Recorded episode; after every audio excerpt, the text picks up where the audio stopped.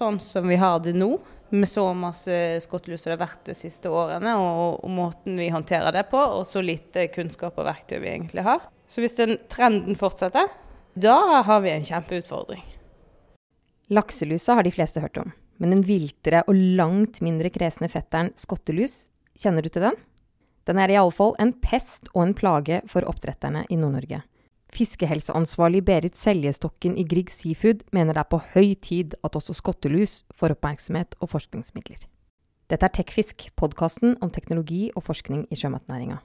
Mitt navn er Kjersti Kvile, og nå skal du få høre mer om hvordan skottelus får laks til å gå helt bananas. Berit Seljestokken, hvilke problemer skaper skottelusa for oppdrettere i Nord-Norge? Vi opplever jo nå de siste to årene at skottelus blir et større og større problem, eller en større og større utfordring for oss. Og sammen med at vi nå har jobba ganske systematisk med forebyggende tiltak mot lakselus, så merker vi at vi har fått en vikar, og det er skottelusa.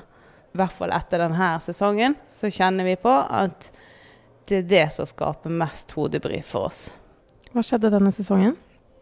Det bare virker for oss som at det er mer enn før.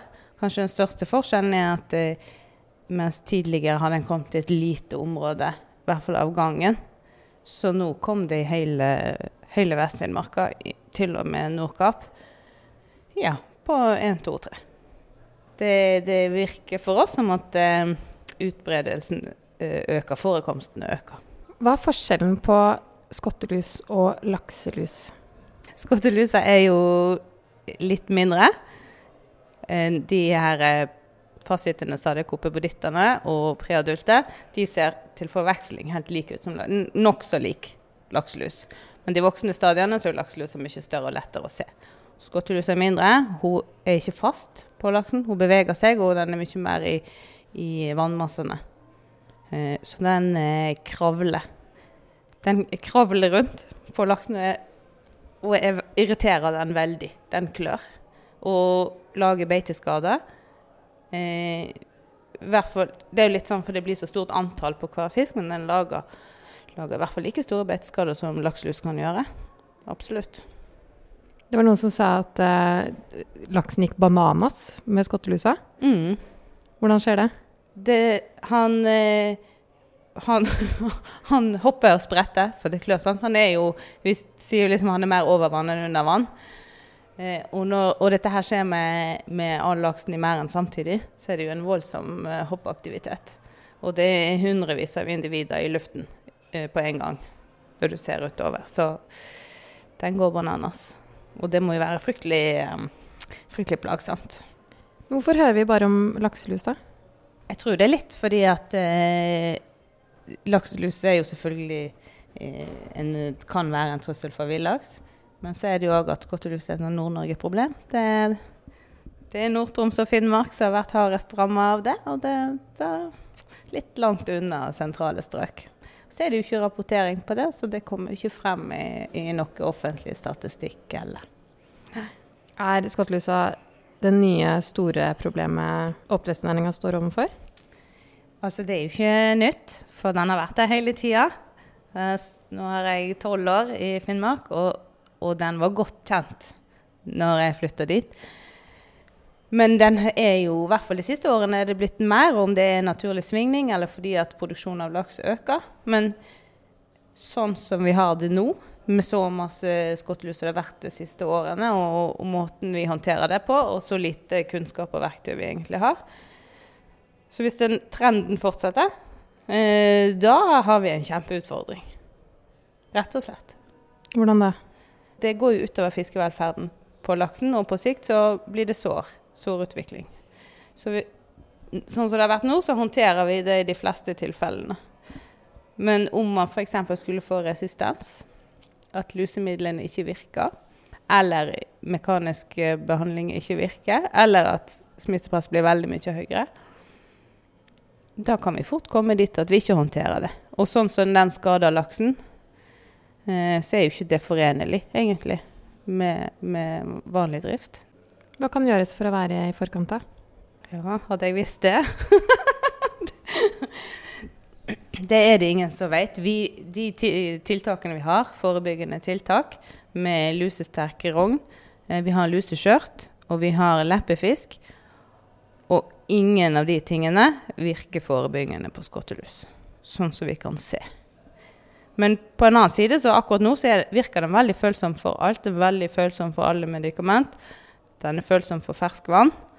Så jeg tenker jo at om man bruker litt midler på å forske på det, så kan det godt hende at vi finner Og det, det er ikke sikkert er medikament, det kan være ganske andre praktiske løsninger som rett og slett gjør at vi, vi klarer å holde den litt mer unna enn nå. Men det kreves jo at det brukes ressurser på det. Forskning og utvikling.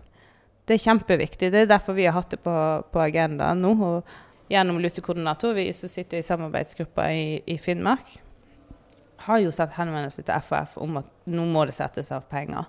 Sånn at man kan begynne å jobbe forebyggende, rett og slett. Men vi trenger mer kunnskap. Hvilke forhåpninger har du om at det går gjennom i FHF, da?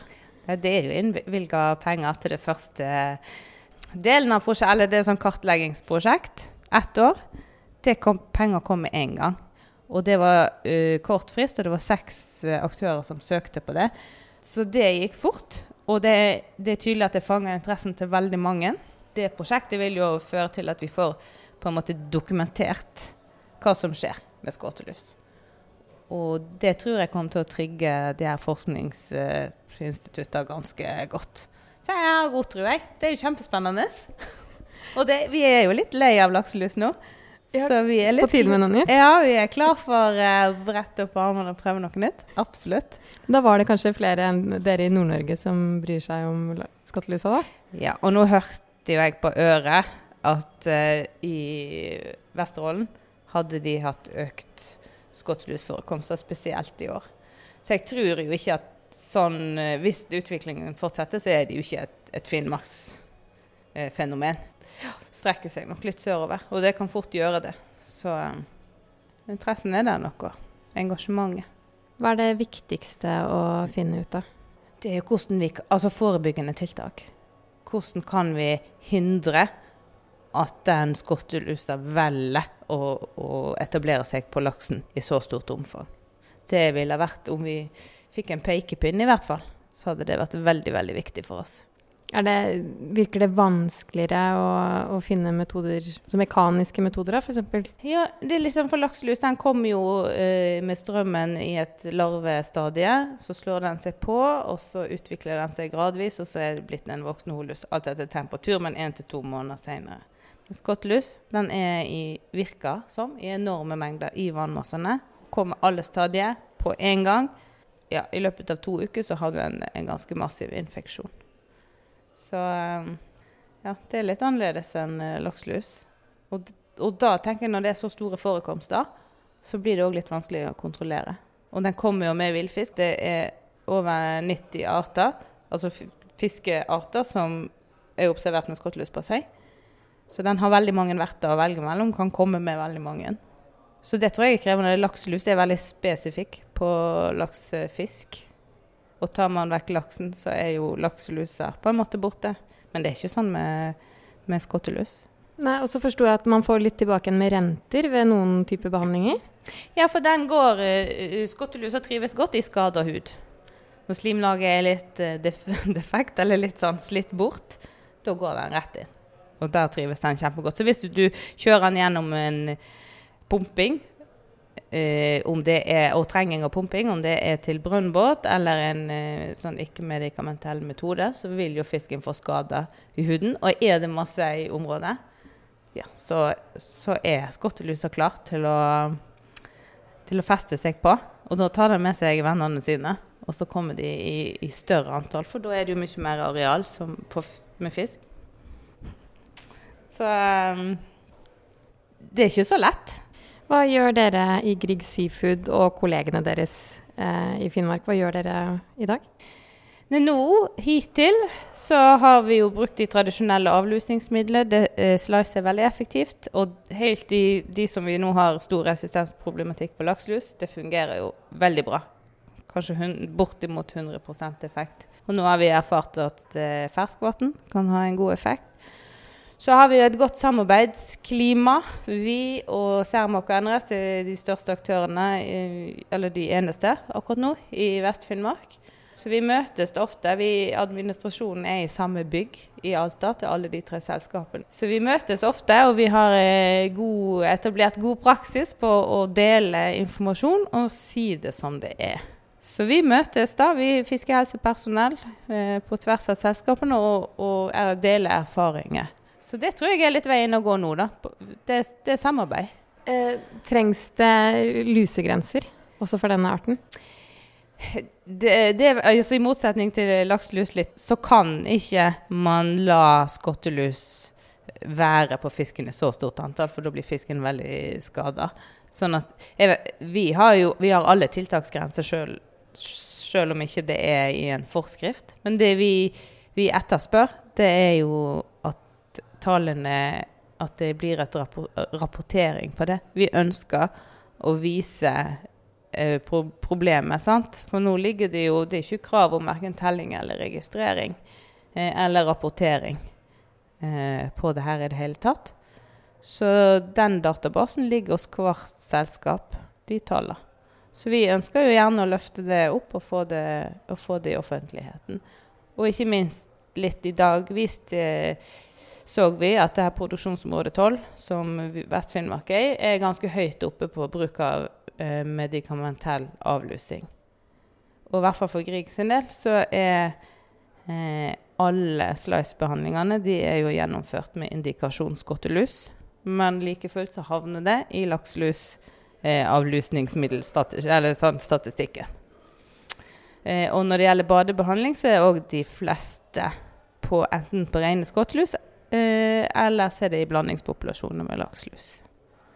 Om du får bestemme om fem år, hva har skjedd innenfor dette feltet da? Da håper jeg at lakselus får litt mindre fokus. For det er litt I hvert fall føler vi for oss det er litt sånn veldig, veldig høyt fokus for et problem som ikke er veldig, veldig stort. Så kan vi heller slippe skottelusa litt opp og frem. Og så har vi fokus på den, og har innvilga en god porsjon forskning på skottlus. Det håper jeg. Da får vi håpe på det. Takk skal du ha. Takk. Du har nå hørt på Tekfisk, podkasten om teknologi og forskning i sjømatnæringa. Du kan abonnere på podkasten i iTunes eller i din faste podkastspiller. Spre gjerne ordet om Tekfisk til alle du kjenner. Vi høres igjen. Ønsker du å annonsere i podkasten? Da kan du sende en e-post til annonse krøllalfa så kontakter vi deg for nærmere avtale.